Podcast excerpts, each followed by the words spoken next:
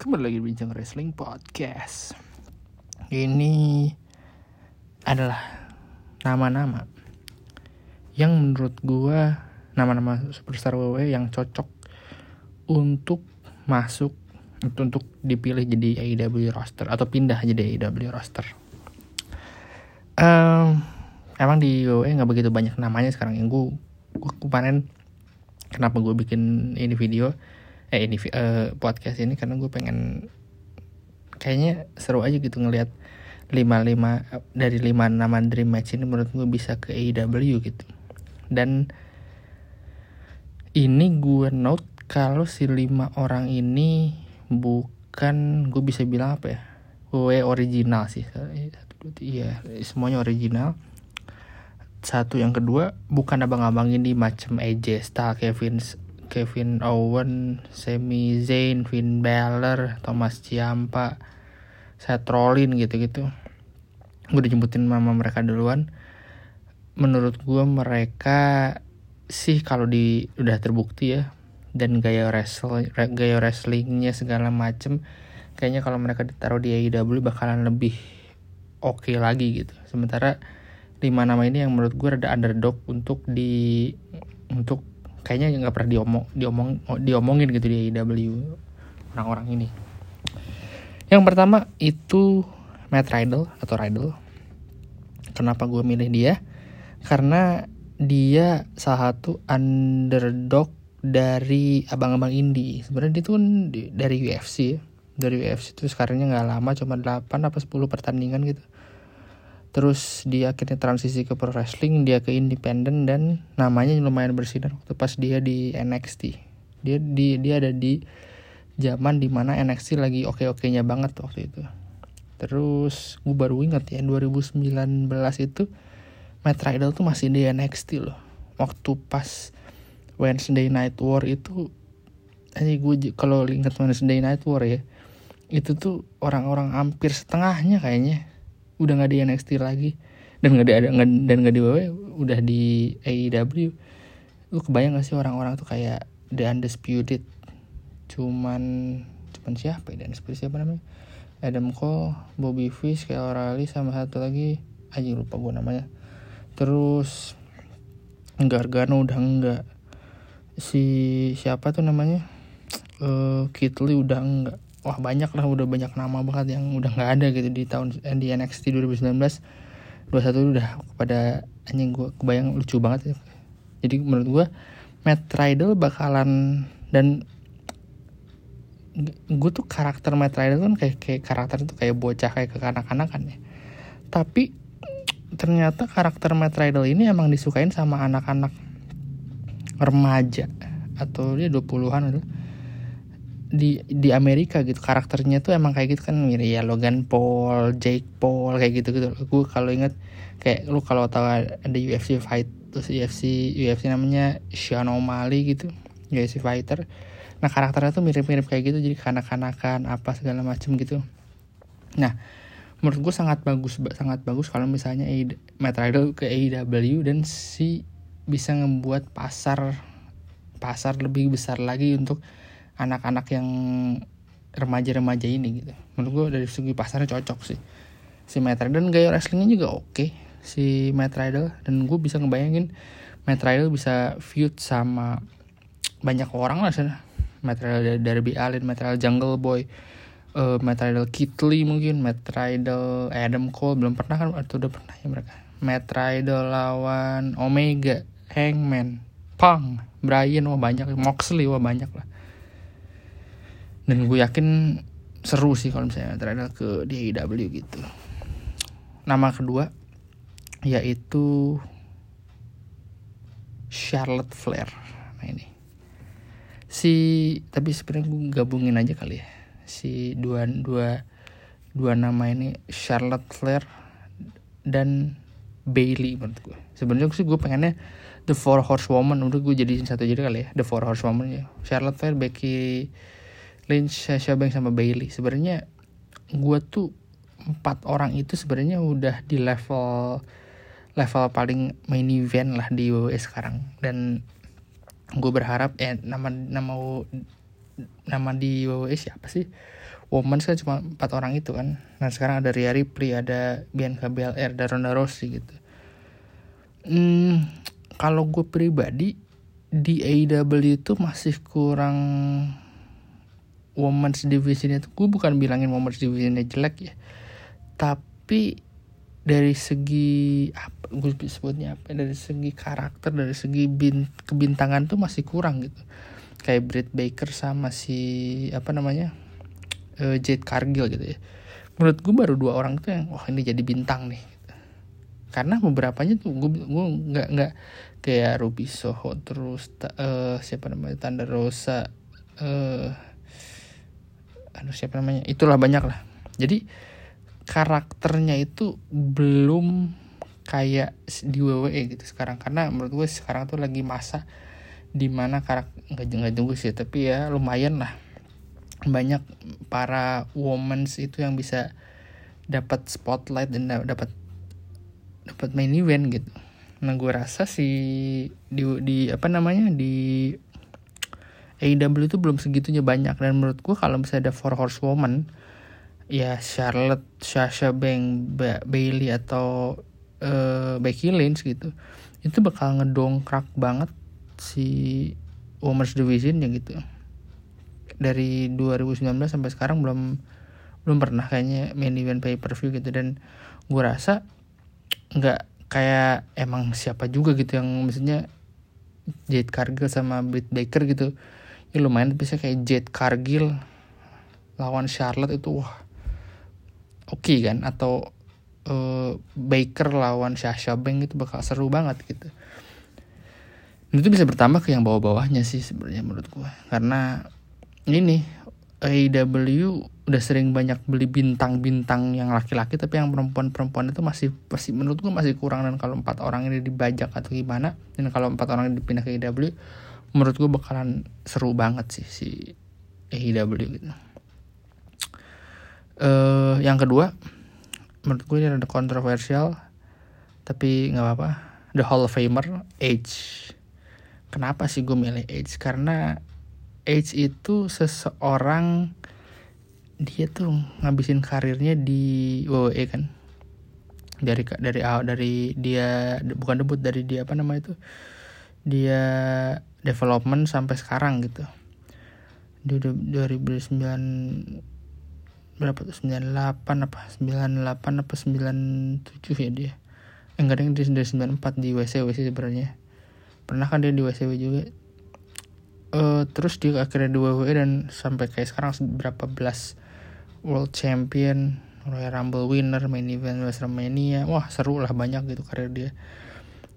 Um, tapi Edge itu belum pernah dapat sesuatu belum pernah ke, pergi ke pro company lain gitu. Mau WCW mau Impact atau mau Indie pun gitu. Dan menurut gue kalau Edge bakalan uh, kalau Edge pindah ke luar dari WWE menurut gue kalau di AEW sangat sangat uh, sedih apa ya bakalan mendongkrak si AEW-nya gitu. Karena nama Edge juga yang udah cukup established uh, dari dulu sampai sekarang gitu satu yang kedua gaya wrestlenya juga si Edge menurut gue nggak nggak nggak bakal sekaku orang-orang yang WWE banget gitu ya. Kayak Brock Lesnar atau Goldberg jangan Brock Lesnar Goldberg lah gitu kayak kan kaku banget ya dia.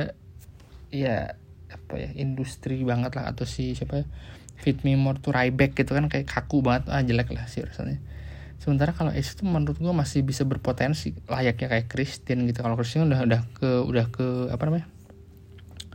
Udah terbukti lah dia di Raw di Ring of Honor pernah di Impact pernah. Jadi dan gue waktu pas liat Christian tahun 2000-an itu 2005 6 di dia gue inget banget dia lawan Abyss tag uh, sorry cage match. Wah gue gue langsung mikir hanya ini Christian ke mana aja di WWE kan? Sementara di WWE kayak nggak aneh gitu karakter up dan match match sementara pas di impact udah ngebuktiin banget dia bagus banget itu.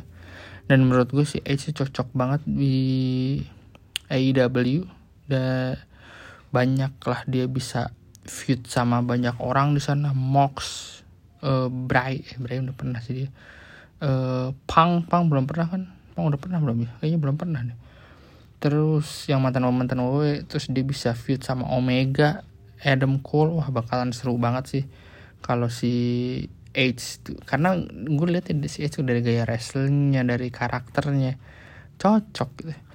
Tapi tapi tapi yang lucunya satu menurutku kekurangan kalau Edge uh, ke AEW satu ini satu aja. Yeah. yaitu Edge nama Edge itu udah ngelekat banget. Sementara kayak Big di kita kan udah tahu dia dari 90-an enggak enggak enggak kita sih. Gua sebenarnya gua sudah tahu dia dari 90-an sementara kalau gue kenal apa lu semua kenal dia dengan nama Edge kalau dia ke IW namanya Adam Copeland. Jadi aneh. Sama aja kayak kita ngeliat Big Show harus bilang Paul White. Sampai sekarang gue masih aneh. Jangan kan gitu The Rock aja sampai sekarang gue nggak nggak nggak pernah nyebut dia Dwayne Johnson. Nggak gue selalu nyebut dia The Rock. Karena dia itu The Rock gitu bukan Dwayne Johnson menurut gue karena masa kecil gue dihabisin nama dia gitu. Kebayang gak sih lo kayak misalnya John Cena tiba-tiba ngerubah nama jadi eh uh, Rahmat Cehidayat misalnya gitu. Aneh kan? Aneh gak sih menurut lo kalau tiba-tiba si John Cena misalnya rubah nama and from Westbury, Massachusetts. 240 pound Rahmat Hidayat aja gue tahu bertahun-tahun dari zaman kecil gue lihat di Cena kenapa jadi Rahmat Hidayat gitu kan aneh kan? Persis kayak gitu gitu. Uh, dan nomor pertama ini menurut gue nggak sedikit mung, uh, kemungkinan dia pindah ke IW itu ada selalu ada lah kemungkinan. Kayak kita aja nggak nggak bakal pernah tahu bakalan NXT jadi kayak sekarang kan jadi nggak jelas. Kita nggak tahu ada AEW si orang ini menurut gue kemungkinan ke AEW kecil tapi kemungkinan tetap ada yaitu Randy Orton.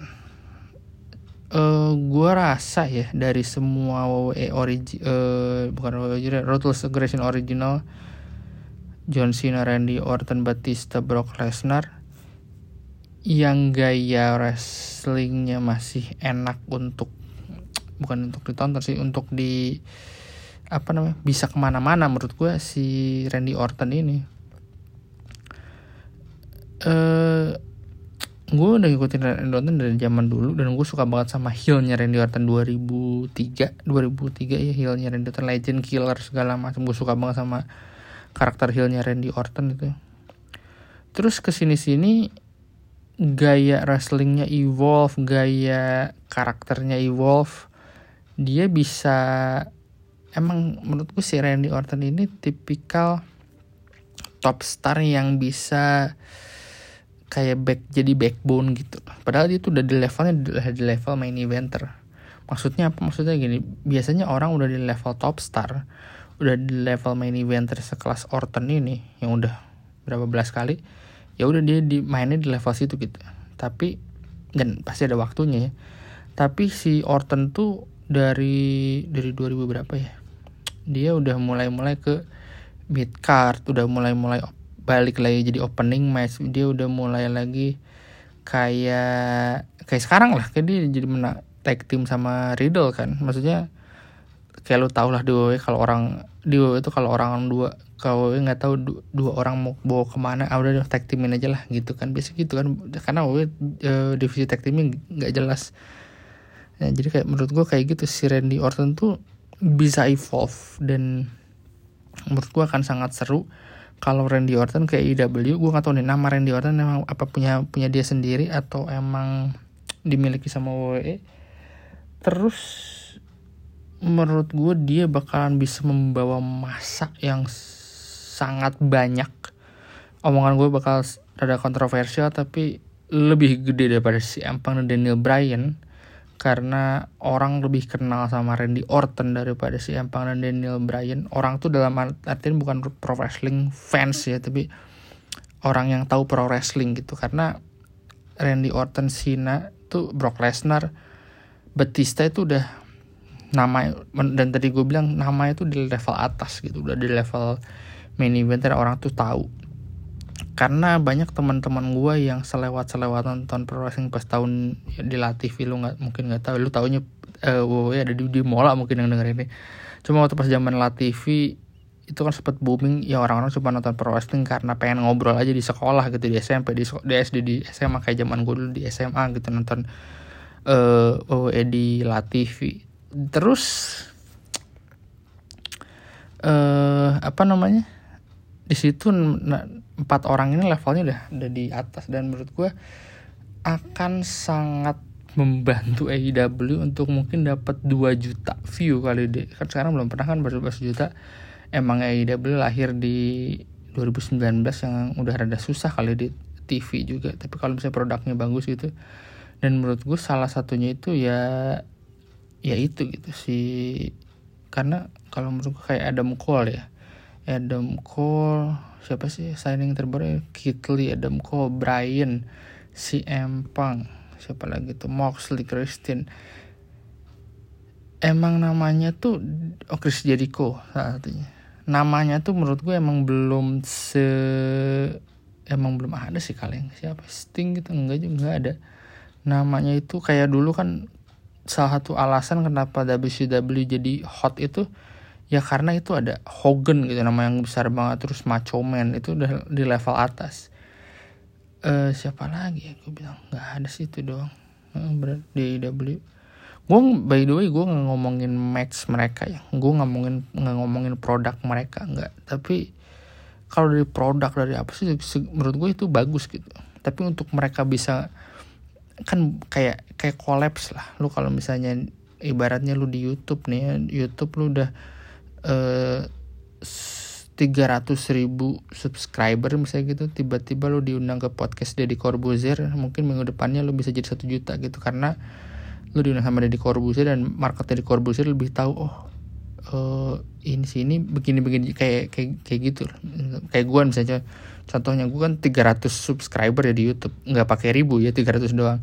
Tiba-tiba gue diundang Deddy Corbuzier terus gue ngomongin apa tentang pro wrestling dan pendengarnya atau penontonnya Deddy Corbuzier yang suka pro wrestling gue yakin mungkin 100 ribu kali gue dapet subscriber mungkin aja kayak gitu kan.